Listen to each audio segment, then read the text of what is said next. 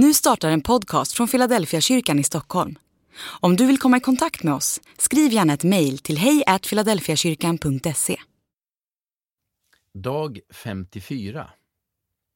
Har du sett en trailer för en amerikansk film på tv någon gång? Då vet du att på 20 sekunder kan man få en komprimerad sammanfattning av vad historien handlar om, vilka som är huvudpersoner och hur det hela slutar. När Jesus gör under så är det som en trailer, inte som hela filmen. Det är bara tänkt som en förhandsvisning av något mycket större och mer omfattande som fortfarande ligger i framtiden. Alla sjuka som Jesus botade blev så småningom sjuka igen. Kanske inte i samma sjukdom, men sjuka blev de och dog gjorde de. Så är det också med de tre personer som Jesus uppväckte från de döda. Det var Lazarus och så var det synagogsföreståndarens dotter och en änkas son i Nain som Lukas berättar om. Alla dessa tre är döda idag. Deras uppståndelse var tillfällig, liksom de sjukas tillfrisknande var tillfälligt. En av mina vänner sa att han tyckte synd om Lazarus som var tvungen att dö två gånger.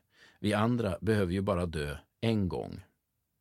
Vad är då meningen med helbrägdagörelserna och uppväckandet? Alla Jesu under är tecken, eller trailers. De är en glimt av något mycket större som vi fortfarande väntar på. Men har man sett trailern så fattar man vad filmen handlar om. Har du förstått Jesu under så kan du ana vad som kommer. Varje under är ett tecken på den framtid då ingen sjukdom och ingen död ska finnas mer. I kristen tro är hela svaret på lidandets problem inte färdigformulerat än. Det återstår ännu några viktiga pusselbitar innan svaret är färdigt.